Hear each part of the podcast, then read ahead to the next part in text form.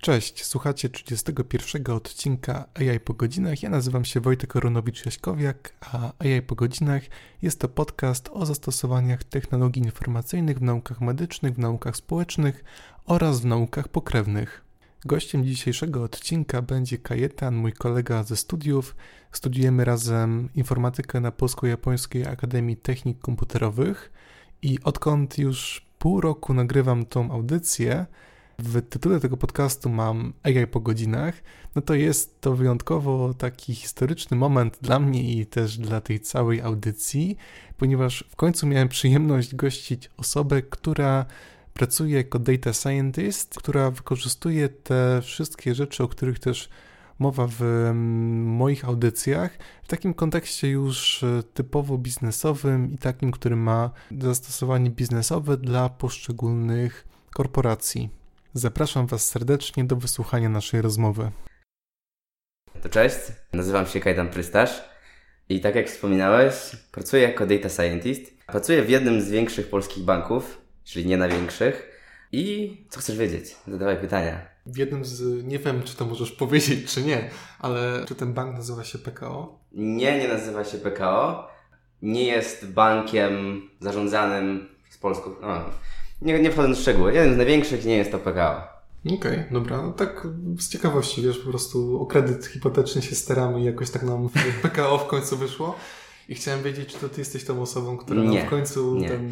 Jeżeli w ogóle chodzi o temat kredytów, to temat machine learningu i temat kredytów hipotecznych jest jednak trochę rozbieżny. To znaczy, ja w tym momencie pracuję w zespole ryzyka kredytowego, bo biorę udział w takim programie, gdzie rotuję między paroma zespołami w ciągu roku i między innymi właśnie jest to ryzyko kredytowe. Modele, które wytwarzają, są o tyle specyficzne, że muszą być zgodne z regulacjami międzynarodowymi dotyczące kredytów. Takie modele są to głównie regresy logistyczne, a nie te, które możesz kojarzyć z kursów czy z innych miejsc. Jest to powiązane innymi z tym, że te modele musio, muszą być interpretowalne.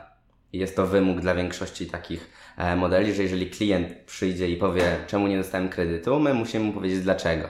Kiedy stosujemy załóżmy jakieś lasy losowe, drzewa, nie możemy mu powiedzieć dokładnie jaki ma score, tak zwany, tylko możemy mu co najwyżej powiedzieć, że o, miał Pan mało punktów, nazwijmy to, jakiejś zmiennej, która jest istotna dla modelu, ale dla regulacji jest to zbyt mało. Jednak a, znajdują się pewne modele, czy jakieś konkretne przypadki, gdzie takie a, metody możemy zastosować. Mówisz o regresji logistycznej, czyli po mhm. prostu wynikiem jest, że albo to jest osoba wiarygodna kredytowo, albo nie jest. Co masz jest... No bo jeżeli masz regresję liniową, mhm. no to wtedy tą zmienną, którą sobie jakoś tam wyjaśniasz, ona ma charakter ilorazowy, nie? Że tak. po prostu, no właśnie. A przy logistycznej masz po prostu ten charakter mhm. zero-jedynkowy, że albo osoba wiarygodna, jeżeli chodzi o kredyt, albo niewiarygodna. Przynajmniej tak to rozumiem. Dalej możesz predykować prawdopodobieństwo do należenia z jednej z grup w wartości od 0 do 1. Okej, okay, jasne. Chodzi o to właśnie jakby nadanie, ile dana osoba ma punktów. Jakby ta metoda ma dosyć duże ograniczenia, szczególnie kiedy my ją stosujemy, z tego względu, że nie możemy na przykład stosować regularyzacji czy innych metod, które pozwalają polepszyć wynik modelu, bo większość z nich właśnie osłabia nam tę jego interpretowalność. Nam się szczęśliwie ten kredyt udało uzyskać. Mm -hmm. Ale załóżmy taką e, jakąś tą bardziej pesymistyczną wizję, że na przykład ktoś by nam, nam napisał, że niestety, panie Wojciechu, mhm. kredyt, decyzja negatywna. To jeżeli ja sobie pójdę do jakiegoś banku i zapytam się ich, dlaczego tak jest, to oni mi wtedy odwołają się do po prostu do ważności zmiennych, powiedzą mi, że tutaj miał pan jakieś, nie wiem, umowę na czas określony, a nie na czas nieokreślony i to jest czynnik, który jest brany pod uwagę przez nasz model. Oni nie powiedzą dokładnie, jak nazywa się zmienna, jak e, dokładnie, jak to wpływa na twoje, twój kredyt, ale pośrednio gdzieś tam coś możesz się dowiedzieć. Znaczy ja sam nie brałem udziału w takim procesie, więc nie jestem w stanie Ci powiedzieć, ale przy budowie jest to wskazywane jako istotny element. Tak samo, kiedy mamy właśnie te regu regulacje międzynarodowe, to na przykład dokumentacja przy takich modelach musi być bardzo rozwinięta. Każdy, każdy wniosek musi być dokładnie opisany, dlaczego tak, e, tak zadziałał. Takie modele na przykład nie buduje się jako jeden duży model, tylko budujemy poszczególne moduły, które nam dają takie punkty, każdej osobie. I na przykład bierzemy jakieś punkty za dane transakcyjne. Dla jakiegoś innego modelu będziemy sprawdzali e, Twoje informacje w biku, żeby dowiedzieć się, czy nie jesteś dłużnikiem. Dobra, a jak to się w ogóle stało, że zacząłeś pracować jako data scientist? Ojej, to jest trudna historia i długa. Zaczęło się tak, że gdzieś półtora roku temu pomyślałem sobie, że logistyka, którą studiuję, to nie jest to. To nie jest idealna rzecz w moim życiu, to nie jest coś, co chciałbym robić. I zacząłem się interesować. Ale kierunek skończyłeś w końcu, czy? Tak, kierunek skończyłem, to były studia licencjackie. Pomyślałem, że mogę to jakoś połączyć, mam dużo wolnego czasu. Te zajęcia, które mam na uczelni nie są dla mnie bardzo wymagające, więc równolegle zacząłem uczyć się programowania. Znalazłem tę tematykę w data science, analityki, pomyślałem sobie, że ej, te dane mogą być fajne. Dowiedziałem się, że przecież praca data scientista to najbardziej seksowny zawód, cytując którąś gazetę. Zainteresowałem się, pomyślałem, że ej, przecież mamy rok lata, których się mówi o danych, no to praca, która nazywa się Data Scientist, to nie może być przypadek, że to nie jest coś, coś dobrego. No i co? Zacząłem uczyć się programowania. Nie umiałem nic. Nie byłem po informatycznym liceum. Nawet jedyne co robiłem, to robiłem takie chodzenie żółwikakiem w gimnazjum albo w liceum, nie pamiętam. Eee, Basic logo, logo albo logo, chyba. tak. No, też, było też, to. też to było. Więc nic więcej. E, Jeżeli chodzi o matematykę, to też e, miałem jeden rok, e, taki nawet jeden semestr podstawowej matematyki na studiach, więc też nie było tego dużo. Zacząłem szukać kursy, kursów, internet, Udemy, YouTube, mnóstwo takich źródeł i zacząłem się uczyć, po prostu. Pisałem pierwsze programy, na początek to był Python, potem matematyka, gdzieś dalej nauka samego machine learningu i SQL-a i tak po około pół roku zostałem analitykiem. Moja praca skupiała się głównie na wykonywaniu analiz oraz raportów. Ich utrzymaniu, przygotowywaniu, tworzeniem nowych raportów. Oraz tej pracy takiej analitycznej, czyli przygotowywaniu takiej deskryptywnej części analityki. Wiedziałem, że ta deskryptywna analityka to nie jest to, co chcę robić w życiu, ale wiedziałem, że jest to pewna taka droga, która pozwoli mi wejść w zawód data scientista. Wiedziałem, że nie mam studiów jeszcze, bo dopiero myślałem o pójściu na studia magisterskie związane z data science i wiedziałem, że nie mam tak naprawdę dużego doświadczenia, a konkurencja jest dosyć duża. Więc myślałem, że właśnie takie wejście w ten świat trochę od innego zawodu będzie idealne. I tak po pół roku pracy, może trochę więcej niż pół roku, dostałem się na ten program, gdzie, gdzie jestem teraz i pracuję jako data scientist. Tak jak słuchałem Twojej historii, Mhm. to jakoś powiem, że odnalazłem w niej również trochę siebie, bo ja miałem podobną drogę. Czy kończyłem studia, które też matematyki w sobie zbyt dużo nie zawierały. No było co prawda jakoś tam dużo tych takich kursów z metodologii, statystyki. Mhm. Tak, nie wiem, z 20% tak plus minus pro, e, samego programu. Z matematyką też jakiegoś, jakiejś większej styczności nie miałem. Miałem taki epizod kiedyś studiowania biologii, ale tylko jednego semestru Ojej. gdzie ta matematyka się pojawiła, ale Mhm. jakoś się z biologią bardzo nie zaprzyjaźniłem. Też zaczynałem od kursów właśnie na Udemy, YouTube, tak, tego e, też dużo, dużo czytałem takich popularno-naukowych, też takich poradników w stylu zrób coś sam O tak? Python i coś tam. Tak, tak, to od tego się wszystko zaczęło. No właśnie, gdzieś tam potem się jeszcze pojawiły te, te studia, na których jesteśmy też razem. Studia magisterskie na Polsko-Japońskiej Akademii Technik Komputerowych. Jesteśmy razem na roku. Nie wiem, jakie, jakie ty miałeś motywy co do tych studiów. U mnie to raczej działało na takiej zasadzie, że nie wiem, miałem takie poczucie, że dobrze byłoby uzyskać motywację do tego, żeby jakoś się nauczyć tych podstaw. Wiadomo, że to podstawy w różnych naukach są z reguły takie trochę mniej ekscytujące, jak już same zastosowania, jakie możesz później mieć, co chyba zadziałało, jeżeli chodzi o ten program, bo Mhm. rzeczywiście tam do pewnych rzeczy pewnie, pewnie bym nie usiadł. A u Ciebie bardziej, nie wiem, ta kwestia W moim przypadku chodziło o parę rzeczy. Jeżeli chodzi o temat zdobycia wiedzy, to wiem, że gdybym nie poszedł na te studia, prawdopodobnie mógłbym lepiej wykorzystać ten czas. Więcej nauczyć się takiej faktycznej wiedzy, którą mógłbym wykorzystać w zawodzie, ale jako osoba bez żadnych studiów pomyślałem, znaczy studiów kierunkowych, pomyślałem, że jednak um, polepszy mi to mój, sprawi, że wyróżnię się faktycznie na, na tym rynku pracy w jakiś sposób, albo po prostu oglądając różne oferty, często widziałem chociaż licencjackie studia wymagane, a ja nie miałem żadnych, więc e, tutaj krótkie, bo krótkie, dwuletnie magisterskie studia, w których tak naprawdę drugi rok, rok to głównie pisanie pracy, czyli po prostu zrobienie dużego projektu, brzmiało dla mnie idealnie. Dodatkowo e, ja przez te półtora roku uczyłem się cały czas sam. Nie wiedziałem, czy tak naprawdę to, czego się uczę, to jest wiedza, która przyda mi się w zawodzie, czy tylko mi się wydaje, że to mówią fajni ludzie na YouTubie, którzy, którzy po prostu mają charyzmę, czy ta wiedza faktycznie jest tym, co powinienem umieć. Potem okazało się, że tak i była zupełnie wystarczająca i pozwoliła mi pracować, ale nie wiedziałem tego. Wiedziałem też, że mam w sobie coś takiego, że trochę stresuję się tym, że właśnie robię coś, ale nie wiem, czy to da mi jakiś efekt. Więc tutaj wiedziałem, że pójdę, wszystko mi powiedzą, ja nie będę się stresował, że non-stop się uczę, tylko będę uczył się to, co mi powiedzą. Tak trochę będę mógł leniuchować, w sumie jakby dalej się ucząc. Więc dla mnie to było parę, parę takich rzeczy fajnych.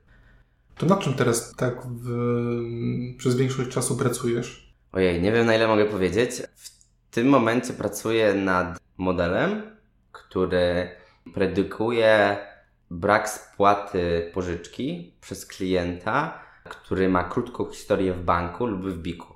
Czyli bardzo mało wiemy o kliencie, bo mniej niż e, pół roku jego historii w banku lub biku, a więc tak naprawdę nic. Bo przez pół roku, nawet jeżeli ktoś ma jakieś przelewy, to nie możemy zobaczyć jakiejś stabilności, nie możemy sprawdzić, czy. Nie mamy zmiennych, które w czasie nam się pojawiają. Czy mimo tego są rzeczywiście jakieś, jakieś zmienne, które mogą to przewidzieć? Oczywiście parę dni temu e, miałem takie spotkanie z pewną firmą odpowiadającą za dostarczanie danych geolokalizacyjnych i dla bardzo specyficznej populacji klientów, niestety nie mogę powiedzieć jakiej, a, udało im się spredykować, czy spłacą, czy nie, taką metryką ROC, AUC, którą na pewno znasz, około 60, tak 0,60, 0,65, czy dana osoba spłaci po samej po samym adresie zamieszkania. Więc jeżeli 0,5 to jest przypadek, to powiedzenie tego nawet o te 30% lepiej, jako tak 0,1 czy 15, to już jest coś. No bo nie wiemy nic o kimś, tak? I okazuje się na przykład, że super istotne jest to, czy dana osoba mieszka blisko kościoła. Dlaczego? Bo po prostu wartości mieszkań blisko centrum Inaczej. Osoby, które są bogate, lepiej spłacają pożyczki. Osoby, które są bogate, częściej mieszkają w centrum. Osoby, które, znaczy w centrum jest więcej kościołów. Kościoły są bliżej, więc rośnie nam ten scoring. Ale z drugiej strony przecież jak masz, nie wiem do czego były te konkretne dane, nie? Mhm. Ale jeżeli masz jakieś małe społeczności, jakieś takie małe wsie polskie, w której Mhm. w każdej wsi masz kościół, no to jednak mimo wszystko ta odległość od tych poszczególnych miejsc zamieszkania od kościoła będzie też dosyć taka mała, nie? No, na pewno jest mnóstwo przypadków, o których możemy mówić, ale tak samo w mieście po prostu jest więcej ludzi. Więc nawet jeżeli w takiej wsi mieszka dużo osób blisko, to w mieście jest 10 razy więcej ludzi, więc w sumie wszyscy mieszkają bliżej, tak? Różne dziwne rzeczy wychodzą. Na przykład przy ubezpieczeniach wyszło, że osoby po jednej stronie, tak lewicowo-prawicowej, już nie pamiętam której, e, rzadziej spłacają. Okazało się, że po prostu, i to znacznie gorzej spłacają, okazało się, że po prostu te osoby częściej, znaczy nie tyle co gorzej spłacają, to mają wyższe raty na ubezpieczeniach i częściej mają wypadki. Też ubezpieczenia, tam podobna tematyka. Chodziło o to, że osoby, które są w jakiejś konkretnej, konkretnej stronie politycznej, częściej mieszkają na wsiach. Jak częściej mieszkają na wsiach, mają gorsze drogi, mają gorsze drogi, mają częściej wypadki. Jasne. To jest Proste. logiczne. I nigdy nie wiadomo, co wyjdzie z danych. To jest jedyny problem tego całego machine learningu, że ciężko, wiemy, że coś coś daje, ale nie wiadomo dlaczego za bardzo. Ja tak się zastanawiałem, bo w naukach społecznych Mhm. dużą uwagę się zwraca na korelacje pozorne, nie? Bo jeżeli ktoś chce pokazać związek między jedną zmienną a drugą, to, to nas by naprawdę bardzo interesowało to, czy my nie widzimy właśnie czegoś, co istnieje może w korelacji, ale co nie ma jakiegoś znaczenia takiego, nie wiem, klinicznego czy naukowego. Data science chyba aż tak bardzo na to uwagi się nie zwraca, nie? Bo chodzi po prostu o pragmatyzm. Po prostu jeżeli coś Mhm. się sprawdza, no to fajnie. Wydaje mi się, że, jak, że jako, że data science wyrosło jednak na statystyce, która już dawno powiedziała, że korelacja nie oznacza przyczynowości, Mhm. to wiemy już, że nie zakładamy czegoś takiego. A jak to jest w tej firmie? Jakby wiedzą, kim jest analityk danych, wiedzą, kim jest data scientist, czy raczej, raczej nie? U nas wiedzą, tak. E, mamy dużo osób, które pracuje w tematyce danych, Analitycy zdecydowanie bardziej skupiają się właśnie na takich analizach deskryptywnych, na analizowaniu danych przeszłych i wyciąganiu wniosków. Przykładowo wyrzuciliśmy jakiś nowy produkt na rynek, chcemy sprawdzić, jak wpłynął na klientów, albo czy dana reklama pasuje do danej osoby i czy jakiegoś dnia na przykład klienci korzystają z czegoś bardziej, żeby wyciągnąć jakiś wniosek. Dodatkowo raporty. No o raportach chyba nie muszę powiedzieć czym są. My jako data scientiści faktycznie skupiamy się na, głównie na analityce predykcyjnej i, i tworzeniu modeli. Mhm. Sieci neuronowe też, czy raczej te podstawowe raczej? Jeżeli chodzi o sieci neuronowe, to raczej nie z paru względów. Po pierwsze, są wymagające techniczne. Budowanie już nie procesorów i komputerach, komputerów stworzonych na procesorach, a na, na GPU jest po prostu bardziej kosztowne. Oczywiście można wynająć klaster i, i my również korzystamy z takich usług ale dalej muszą być osoby, które są do tego odpowiednio przeszkolone. Jest to wiedza, która jest jeszcze trochę mniej popularna niż taki zwykły machine learning. Mhm. E, dodatkowo jest to czas, który trzeba poświęcić i dla nas najwię największą, największą taką barierą chyba jest to, że po prostu wymiana wiedzy musi postępować w taki odpowiedni sposób. Nie ma po prostu osób, które znają na tyle ten, um, te sieci neuronowe dobrze, żeby móc przekazywać to dalej. Zdarzyło się, że parę jakieś działy wykorzystują na przykład autoencodery albo gdzieś wykorzystywały sieci konwolucyjne, żeby na przykład skanować dowody i przekładać od razu dane z zdjęcia do, do systemu. Ale to, to bardziej takie OCR-y, tak? To była dokładnie po prostu sieć konwolucyjna. Mhm. Jaka, nie wiem. Jeżeli chodzi o takie predykowanie sieciami, to nie stosujemy tego. Mhm. Mamy dużo takich ograniczeń też po prostu produkcyjnych. Jedno to jest fajnie zrobić model, który będzie super śmigał jako eksperyment, a co mhm. innego wrzucić go na produkcję i go utrzymywać cały czas, gdzie mamy dużo zmiennych. Dla nas realnym problemem jest na przykład utrzymanie możliwie niskiej ilości zmiennych. Znaczy mhm. nie tyle co problemem, to takim wyzwaniem. Tam jest jakieś specyficzne oprogramowanie, czy po prostu się z ERA, czy tam z, z innych korzysta? Pytasz o y, fazę eksperymentu, czy, czy o co? Eksperymentu. Czy to, już no. Jest, czy to już jest po prostu jakaś rzecz bardziej dowolna? My jako bank korzystamy głównie z Pythona i z SASa. Mhm. SAS y, jest jednak tą starszą i bardziej dojrzałą, no może nie wiem czy starszą i bardziej dojrzałą, ale w bankowości jest dosyć popularny i, i wiele osób właśnie korzysta z tego oprogramowania, również do modelowania a osoby już młodsze, nowsze, nowe często chętniej korzystają z Pythona. I jak należy przygotować w takim razie projekt po eksperymencie, po to, żeby był gotowy do wdrożenia i do wykorzystania już normalnie gdzieś Jasne. w firmie? To dużo zależy od firmy. Zależy od tego, w jaki sposób dany model ma działać. Czy na przykład ma predykować batchowo, czy ma predykować na przykład za pomocą REST API. Czy może jesteśmy super nowocześni i predykujemy na kawce i wrzucamy na szynie praktycznie real-time'owo nasze dane. U nas większość e, takich predykcji jest takimi predykcjami batchowymi, czyli o konkretnej godzinie odbywa się predykcja modelu na jakichś klientach i jest zapisywana w bazie danych. Model w momencie, w którym kończy fazę eksperymentu, sprawdzamy Kończymy ten eksperyment, wiemy już jaki model jest dla nas najbardziej taki obiecujący, jaką metodę chcemy zastosować, jaki algorytm, które zmienne wybraliśmy i wtedy zwykle w takiej formie binarnej, w formie paczki dostaje się on do Artifactory i tam jest utrzymywany takiej, przez takie zespoły ściśle IT. Jeżeli chodzi o samo przygotowanie, o walidację, o testowanie, to już jest to powiązane troszeczkę bardziej z takim trochę DevOpsem i programowaniem bardziej niż, niż taką nauką, którą, którą, której się mówi w data science. Otóż są takie zagadnienia, które trochę, mm, w których już widać moją niewiedzę, jeżeli chodzi o zarządzanie i ogólnie o funkcjonowanie korporacji, ale jak to po prostu rozumiem, no to wy odpowiadacie za rozwiązanie, a to rozwiązanie potem sobie gdzieś po prostu tak. idzie. W mhm. W Stanach jest, coś taki, jest taki fajny podział, że mamy data scientistów, którzy właśnie odpowiadają za eksperymenty, a potem często mm, mamy jeszcze machine learning engineer, którzy odpowiadają właśnie za dostarczenie tego modelu mm, na produkcję i wykonywanie tych predykcji w całym tym software'ze. Jakby stworzenie finalnego programu dla danej firmy. Czyli sieci neuronowych tam zbyt dużo nie ma. Może masz jakiś pomysł na magisterkę już z sieciami? Ja akurat nie wiem, czy będę wykorzystywał sieci. Na razie zainteresowałem się tematyką e, badań medycznych i EKG. Okazuje się, że z EKG można wyciągnąć bardzo ciekawe rzeczy dotyczące różnych chorób. Znalazłem taką informację, że Kaggle.com, który na pewno znasz, e, zorganizowało taki konkurs właśnie dotyczący danych medycznych, mówiąc o tym, że mamy predykować, czy dana osoba, która dostaje się na dyżur na salę, ojej, być moja niewiedza. Tak, na SOR. Na SOR, czy przeżyje, czy nie w ciągu 24 godzin, jeżeli dobrze pamiętam. Duże pieniądze do wygrania, fajna zabawa. I czemu by nie na temat na pracy, temat do pracy magisterskiej? Słyszałem mhm. o ludziach, którzy robili coś takiego. Może akurat. To jest w ogóle e, ciekawe zagadnienie, o czym teraz mówisz, no chociażby przez Apple Watche, w których to pewnie też już gdzieś tam widziałeś, tak? Ale, tak, jak najbardziej. Tak, EKG, e który możesz sobie wykonać, który też do tego, do analizy później tych odczytów wykorzystuje uczenie maszynowe.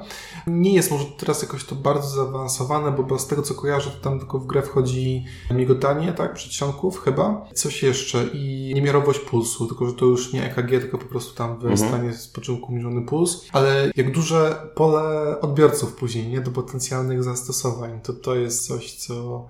Jednak to, że ratujesz ludzkie życie. Tak naprawdę nie będąc lekarzem, a siedząc w domu i pisząc kod.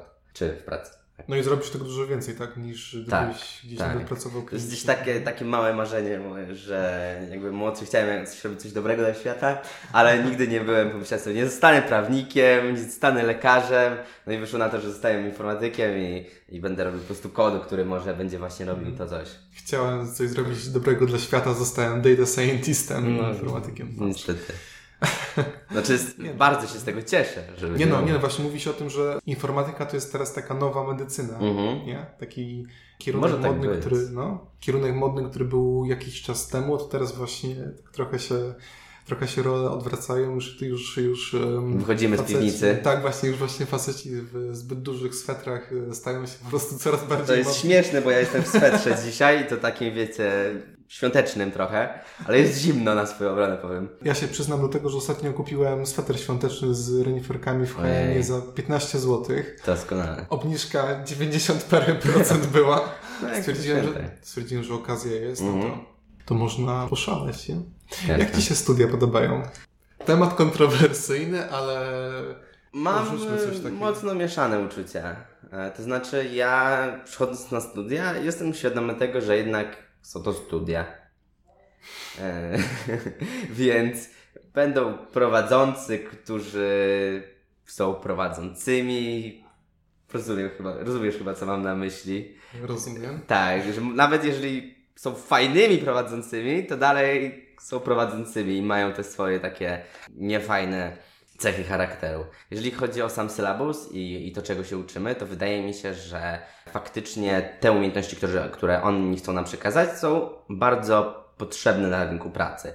E, ja właśnie wybierając akurat tę uczelnię i ten kierunek, bardzo mocno kierowałem się sylabusem i szukałem, porównywałem go często na przykład z informatyką i ekonometrią na wielu uczelniach, bo teraz zaczyna pojawiać się właśnie specjalizacja data science, czy to na UWM-ie, czy, ta, czy to na SGGW. Akurat tam e, to nie jest data science, ale jest gdzieś tam informatyka i ekonometria, ale mhm. często te uczelnie jednak faktycznie bardziej skupiają się na tej ekonometrii, na takim klasycznym programowaniu, gdzie piszemy w Javie, gdzie piszemy w C++.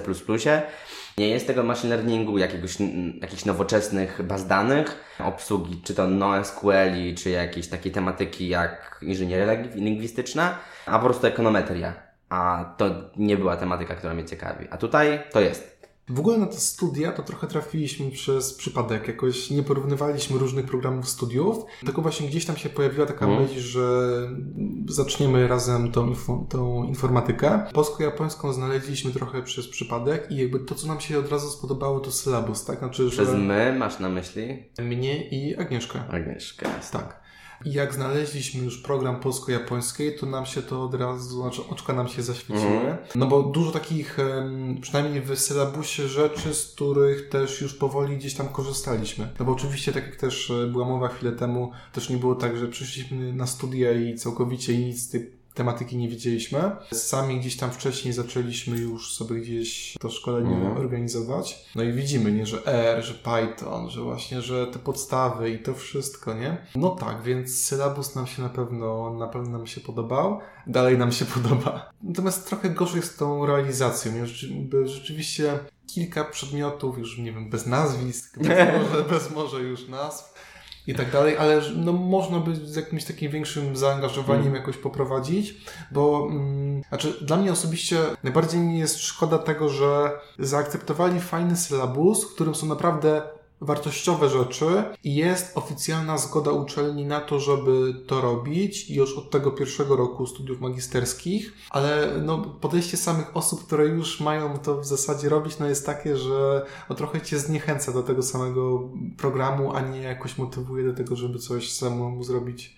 Ale to chyba kwestia po prostu, tak mówię, prowadzący są prowadzącymi. Jakby co moje drugie studia, więc ja nie jestem jeszcze może tak doświadczony, żeby powiedzieć o wszystkich e, prowadzących na świecie, ale z mojego doświadczenia moich znajomych studentów, e, którzy mnie otaczają, po prostu oni tacy są. Ty też taki jesteś na pewno.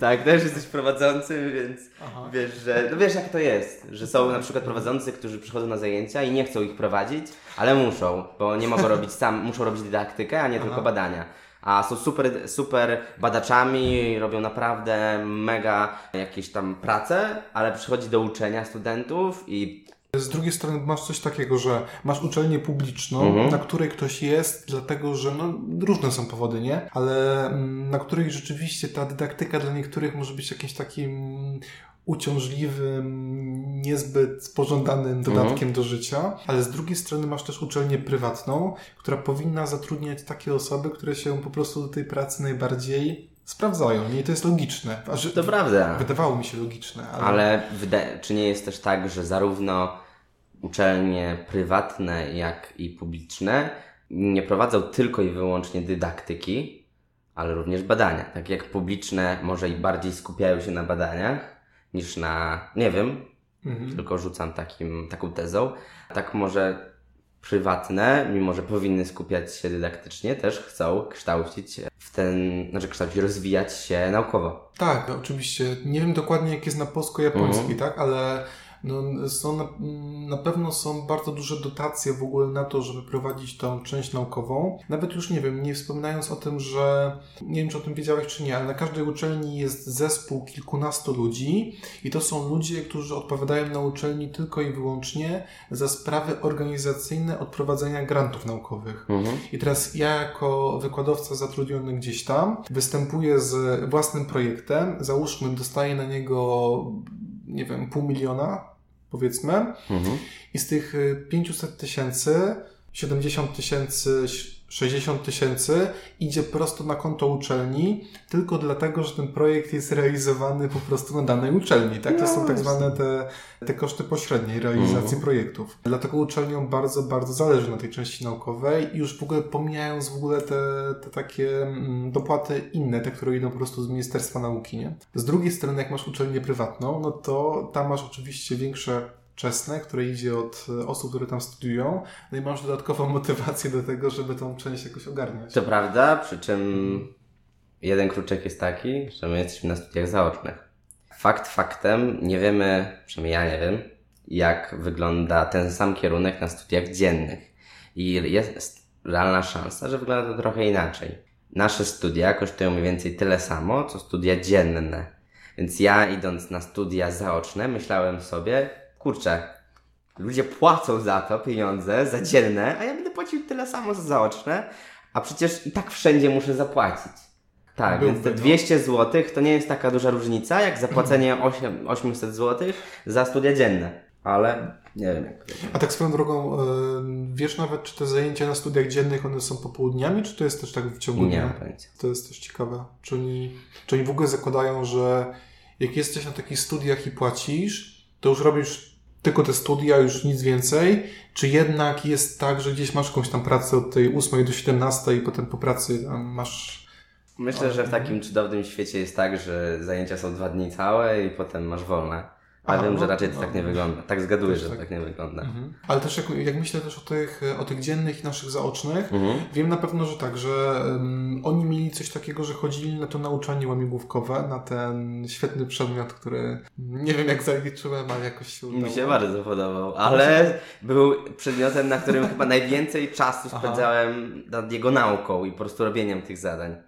Nie, ale to może, to może jesteś bardziej inteligentny ode mnie, ale ja nie byłem w stanie ani jednej tej zagadki, która była do domu zadana, rozwiązać samodzielnie. No, Okej. ani, ani jednej, naprawdę. Wiesz, jakie to było frustrujące. E, rozumiem to, ale ja większość zrobiłem. W sumie chyba prawie wszystkie, poza może jedną. Ale siedziałem nad każdą z dobre, dobrą godzinę albo półtora. I naprawdę to w pewnym, pewnym momencie wpisywałem sobie w kalendarzu dzisiaj łamigłówki, wiedziałem, że nic więcej nie zrobię, bo wiecie, normalnie uczę się z jakiegoś studium tam pół godziny, 45 minut i już mogę iść, a tutaj po prostu cały wieczór nad tymi łamigłówkami. O to miałeś też na pewno większą motywację, bo, bo to, bo to nie. U mnie to wyglądało tak, że kurde, znowu te łamigłówki dzisiaj, nie, jadź się, nie, to tylko nie to. I wiesz, zwykle deadline na, bo to jeszcze było tak, to pewnie nie wszyscy wiedzą, że po prostu chodziło o to, że trzeba było wysyłać zadania domowe raz chyba na dwa tygodnie, tam do, którejś tam godziny i to było tak, że te zadania trzeba było wysyłać, był deadline, jak się tego nie zrobiło, to po prostu nie było punktów. Ja to wpisywałem też do kalendarza, tylko żeby o tym nie zapomnieć, ale na takiej zasadzie, że godzina 22, siadam do komputera i o nie, znowu te łamigłówki, tak? I że godzinka czasu i jakoś ten, no. Jasne. Ale udało mi się przeżyć, egzamin też. Nie wiem jak u Ciebie, ale końcowo mi się z tego 4,5 udało wziąć, więc Ja skończyłem piątką. bardzo fajnie, pięknie. No Mm. to bardzo dobra, bardzo dobra ocena. Jak No sama tak, nazwa tak sama nazwa, tak, dokładnie. No nie, no fajnie. Kończąc może ten temat tych, tych studiów, to też jakoś tak większych problemów z zaliczeniem nie było i też chyba co kojarzę po tych ocenach, które też zostały publicznie udostępnione do wglądu innym osobom. Uważaj co mówisz, No, to co mówisz może być wykorzystane. tak, ale nie mówię z jakiego kursu. A, no mam tak. Jeszcze, mam tą rezerwę jeszcze, nie? To pozdrawiam SGGW RODO, moja ulubiona uczelnia. Patrząc po tych ocenach z tego najtrudniejszego egzaminu, który Mhm. był na tych studiach, w zasadzie z jednego egzaminu, do którego obowiązywała jakaś literatura i z którego trzeba było coś tam się przygotować, to chyba nie było takiej osoby, która by tego nie zaliczyła. Wiem, że tam były jakieś tam dwie, trzy osoby, które miały tam e, dwójkę wpisaną, ale to były osoby, które też e, później, nie wiem, same pisały, że hej, hej, napiszcie tam do pana X, Mhm. bo przez pomyłkę wpisał mi dwójkę, tak? A ta osoba miała jakąś dużo wyższą ocenę, więc jakiegoś takiego pogromu nie było, tak więc. No, wydaje mi się, że jednak te pytania były dobrze sformułowane, to znaczy wiedzieliśmy czego możemy się spodziewać. Dotyczyły, pytania dotyczyły konkretnych punktów, rzeczy, których mogliśmy się spodziewać, że będziemy, będzie od nas wymagane. Tak? Jeżeli chodzi o część zadaniową, no to po prostu mieliśmy podane, co może być. Więc tym bardziej po prostu było trzeba się tego nauczyć. Tyle. Tak, okej, a czy zgodzę się do tej części teoretycznej, to tam. Dobra, te pytania były wiadome, tam wszystko Mhm. dobra. Co do części obliczeniowej, tak, nie było, nie było jakiegoś pytania obliczeniowego, które byłoby jakimś dużym zaskoczeniem z różnych powodów, ale mój największy problem polegał na tym, że jednak miałem takie wrażenie, że ta część obliczeniowa bardziej mierzyła to, czy jesteś w stanie poprawnie liczyć szybko w pamięci i mnożyć różne rzeczy przez siebie, niż to, czy masz w głowie schemat, jak coś działa. Po prostu. Bo no sam zresztą pamiętasz te Tak, nie? no liczenie algorytmów na kartce no. Dla mnie jest trochę śmieszne. Pytanie, czy jest efektywnym sposobem nauki danego algorytmu? Wydaje mi się, że nie, ale mogę się mylić. Dla mnie to sprawdzało to, czy po prostu zrobiłeś cztery razy to zadanie na tyle szybko, żeby już wiedzieć, co znajdywać. Bo mogłeś się nauczyć tego algorytmu teorii i mogłeś się zastanawiać przez 10 minut i wtedy byś zrobił też to zadanie, ale byś nie zdążył.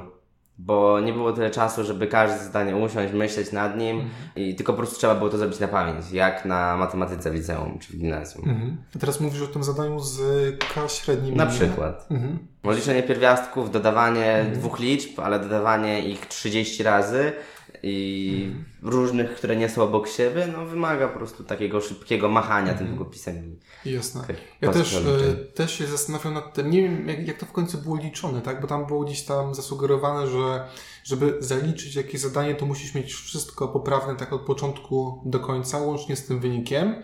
Mm, zastanawiam się po prostu, co mi ocenę z tego przedmiotu obniżyło, bo końcowo z tego miałem 3,5, więc zdane z taką e, mhm. honorową rezerwą, ale mm, nie wiem, jakoś tak te obliczeniowe wszystkie wydawało mi się, że obliczyłem, no i też znałem sposób, jak to obliczyć.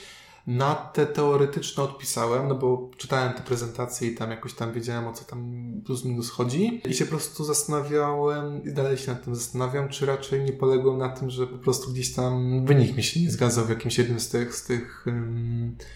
no ale to już się chyba tego nie dowiem, bo jakoś tak specjalnie się umawiać na dyżur, no to niezbyt. Jasne. No, mhm. Można było pójść, można było się dowiedzieć teoretycznie.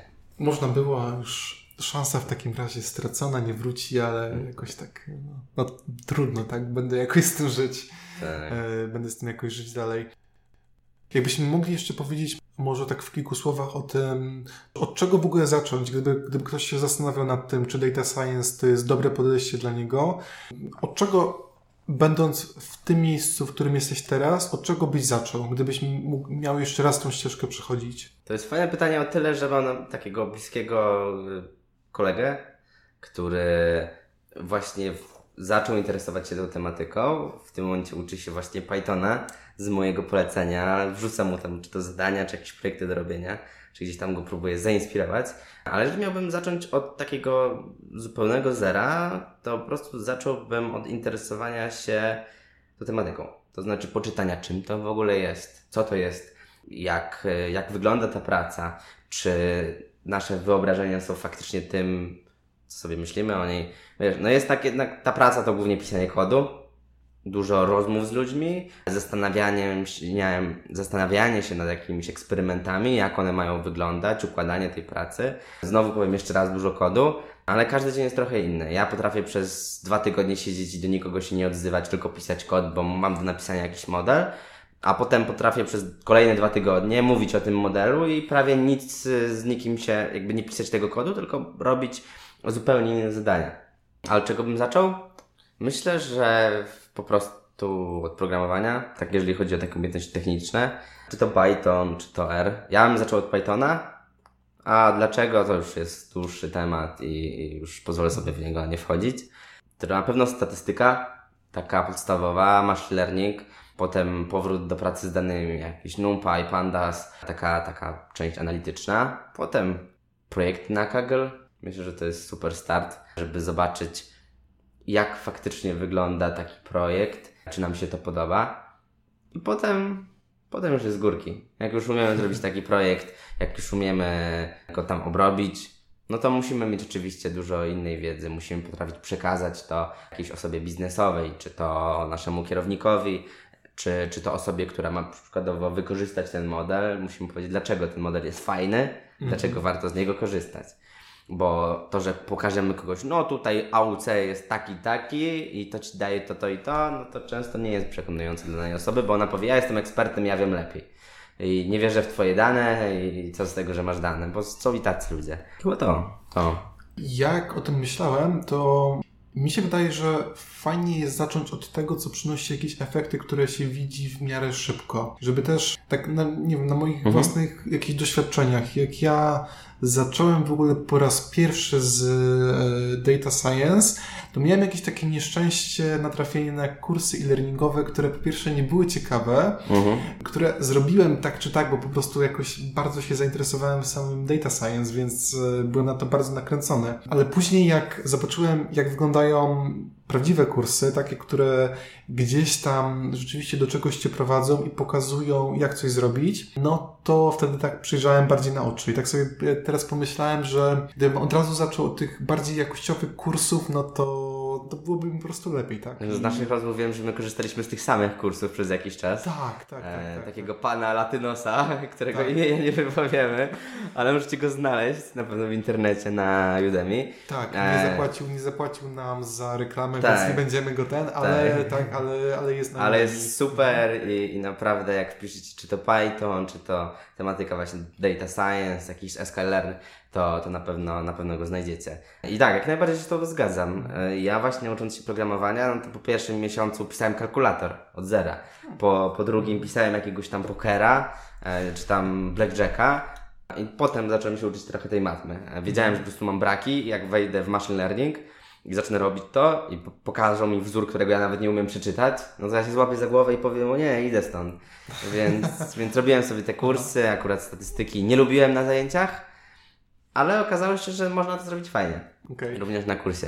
Jeszcze miałem taką historię, że na początku jak pomyślałem w ogóle o tym, że, bo jakoś tak od Mhm. problemu y, wyszedłem, że byłoby naprawdę dobrze jakoś ten proces tych materiałów pornograficznych zautomatyzować.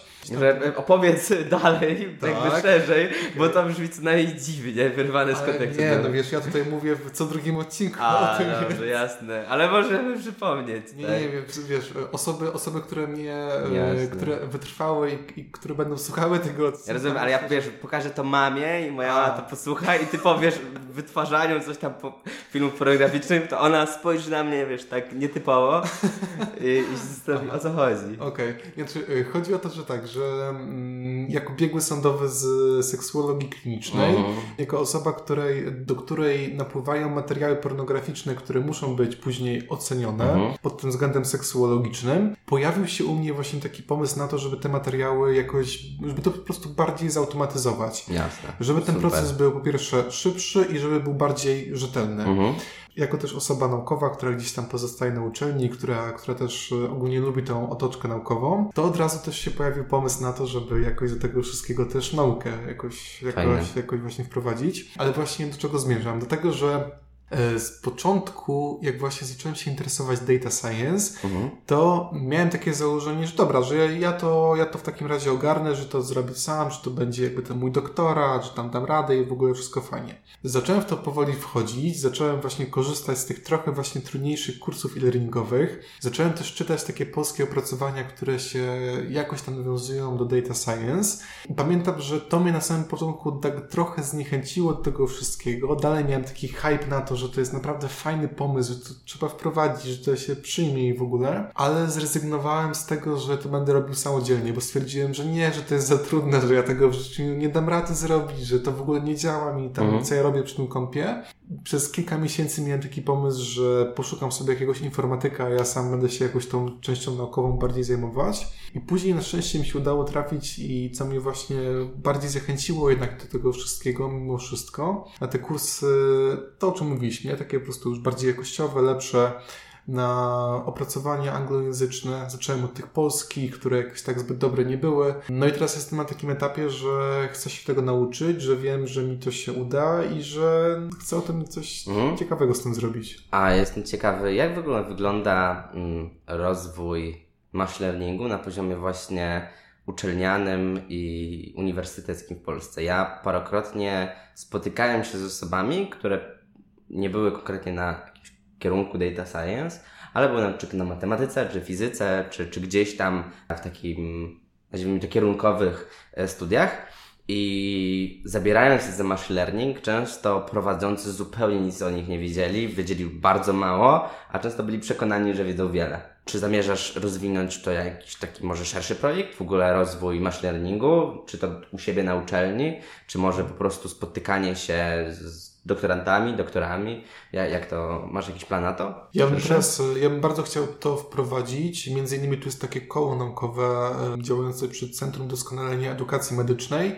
Chciałbym się na pewno jakoś szerzej włączyć w pracę tego koła, Mhm. pokazywać studentom, jakie mogą być potencjalne zastosowania, po to, żeby oni mm, może nawet e, nie tworzyli ich samodzielnie, ale żeby, wiesz, mając świadomość tego, co można zbudować, skontaktowali się albo sami się jeżeli to kogoś będzie bardzo interesowało, żeby się sami nauczyli tego, po to, żeby po prostu później tworzyli ciekawe projekty, które gdzieś tam będą miały jakieś większe mhm. przyjęcie. Mhm. A propos tego, co powiedziałeś o tym, że gdzieś tam właśnie, jeżeli to jest wykładane, to tak w takim ograniczonym trochę, trochę zakresie, to mi się taka, taka rozmowa na Facebooku przypomniała, jak tam z jakimś tam doktorem e, habilitowanym z jakiejś tam uczelni rozmawiałem, który właśnie opublikował taki post na tym swoim blogu, że musimy się, wiesz, bronić przed tymi informatykami, którzy przyjdą i nam zabiorą nasze nauki społeczne i my się sami musimy nauczyć, wiesz, data science, po to, żeby obronić nauki społeczne mhm. i nie oddawać ich w ręce informatyków. Wiesz, tak, mm,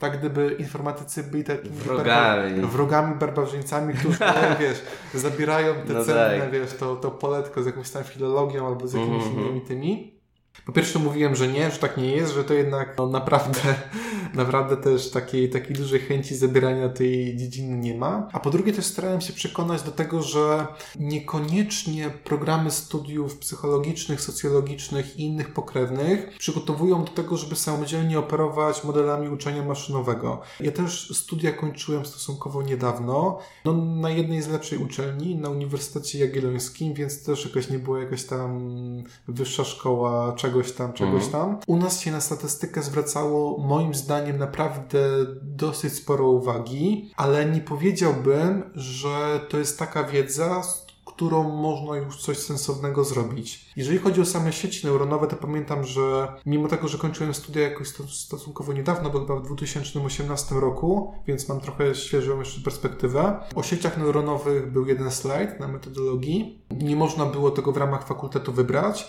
Było po prostu powiedziane o tym, że coś takiego jest. Teraz mam takiego doktoranta, który również y, teraz robi doktorat na Uniwersytecie Jagiellońskim. Powiedział mi o tym, że coraz więcej o tym studentom się mówi. Mhm. Mówi się o tym, że to jest coś, co być może za jakiś czas tak całkowicie zmieni podejście naukowe do, podejście w ogóle do rozwijania hipotez w naukach społecznych. Mhm. Ale właśnie brakuje tej kadry, tak? Brakuje, brakuje ludzi, którzy mieliby podstawy do tego, żeby po prostu w większym zakresie. Jest. A praca w takiej formie konsultacyjnej, gdzie wiesz, mamy duże firmy, gdzie mamy informatyków, którzy są może bardziej techniczni, takich właśnie inżynierów bardziej, którzy kontaktują się i są w takim ciągłym, ciągłej współpracy z osobami właśnie bardziej biznesowymi, które pozwalają im tworzyć takie modele, korzystając z wiedzy tych ludzi. Ci ludzie wiedzą o co pytać, wiedzą jak stworzyć taki model i, i wtedy z takiej wspólnej kolaboracji może coś wyjść jak o tym powiedziałeś, to też um, wydaje mi się, że to by też miało największy sens przy grantach naukowych, mhm. nie? Bo zobacz, że masz Masz na przykład jakiegoś tam kierownika projektu, jakąś tam osobę z jakimiś większymi tytułami, która może się świetnie znać, nie wiem, na psychologii klinicznej, niekoniecznie na informatyce i Jasne. metodologii, nie? Ale teraz tak, zobacz, że ona zdobywając grant, ma e, możliwość wypłaty wynagrodzenia dla osób, z którymi się będzie konsultowała. Mhm. I tu na przykład nie ma żadnych przeszkód do tego, żeby włączyć osobę bardziej techniczną do tego projektu i żeby później się z nią już w ramach tego projektu konsultować. A to, o czym powiedziałeś, że jakby to, e, to jakby to ta kwestia, żeby chociaż wiedzieć o to, co się zapytać, to wydaje mi się, że taka wiedza już jest. Mhm. Że jak już gdzieś na przykład pojedziesz na konferencję naukową, na psychiatryczne nie, bo ogólnie tak wydaje mi się, że te nauki medyczne trochę jednak paradoksalnie są mniej techniczne od tych nauk społecznych, mhm. ale jeżeli pojedziesz na jakąś konferencję psychologiczną i tam pokażesz swój model jakiejś tam sieci neuronowej, czy jakiegoś innego, e, bardziej jakichś tam podstawowych z uczenia maszynowego, to oni przynajmniej wiedzą, jakie pytania ci zadać na takiej konferencji, mhm. więc gdzieś ta świadomość się rzeczywiście już pojawia. Czekam, aż to będzie w Polsce. Wiesz, widzę, gdzie właśnie szpitale w Stanach zaczynają udostępniać dane swoich pacjentów, gdzie oczywiście zaciemnione, więc nie ma się co bać, gdzie, gdzie coś się z nimi robi, gdzie faktycznie można to wygrzeć. Jakiś znajomy wspomniał mi ostatnio, że jak się dzwoni na 112, to jego znajomy tworzy model, który analizuje na podstawie głosu tego, jak tam, jak tam mówisz, priorytet wydania mm, karetki jeżeli twój głos jest jakoś bardziej zabarwiony emocjonalnie, to znaczy, że czymś się bardziej stresujesz. I to Może. Znaczy, że... Ja dokładnie nie znam szczegółów, ale coś tu Ale w tym, w tym, tak. w tym fajne, ciekawe to jest. Myślę, że wiesz, taki obszar, gdzie można wykorzystać w ogóle machine learning jest tak, tak olbrzymi, gdzie nawet jeszcze nie mamy świadomości. Ale myślę, że medycyna, czy psychologia, czy, czy co, cokolwiek takiego ma, ma jak najbardziej obszar, gdzie można go rozwijać. No to co, tymi optymistycznymi planami na przyszłość? No i tak, zamykając. Się, zamykając. Dziękuję Ci jeszcze raz za przyjęcie zaproszenia. Ja również mhm. dziękuję. Dziękuję Wam bardzo za wysłuchanie rozmowy ze mną i z Kajetanem i do usłyszenia już w kolejny poniedziałek. Cześć!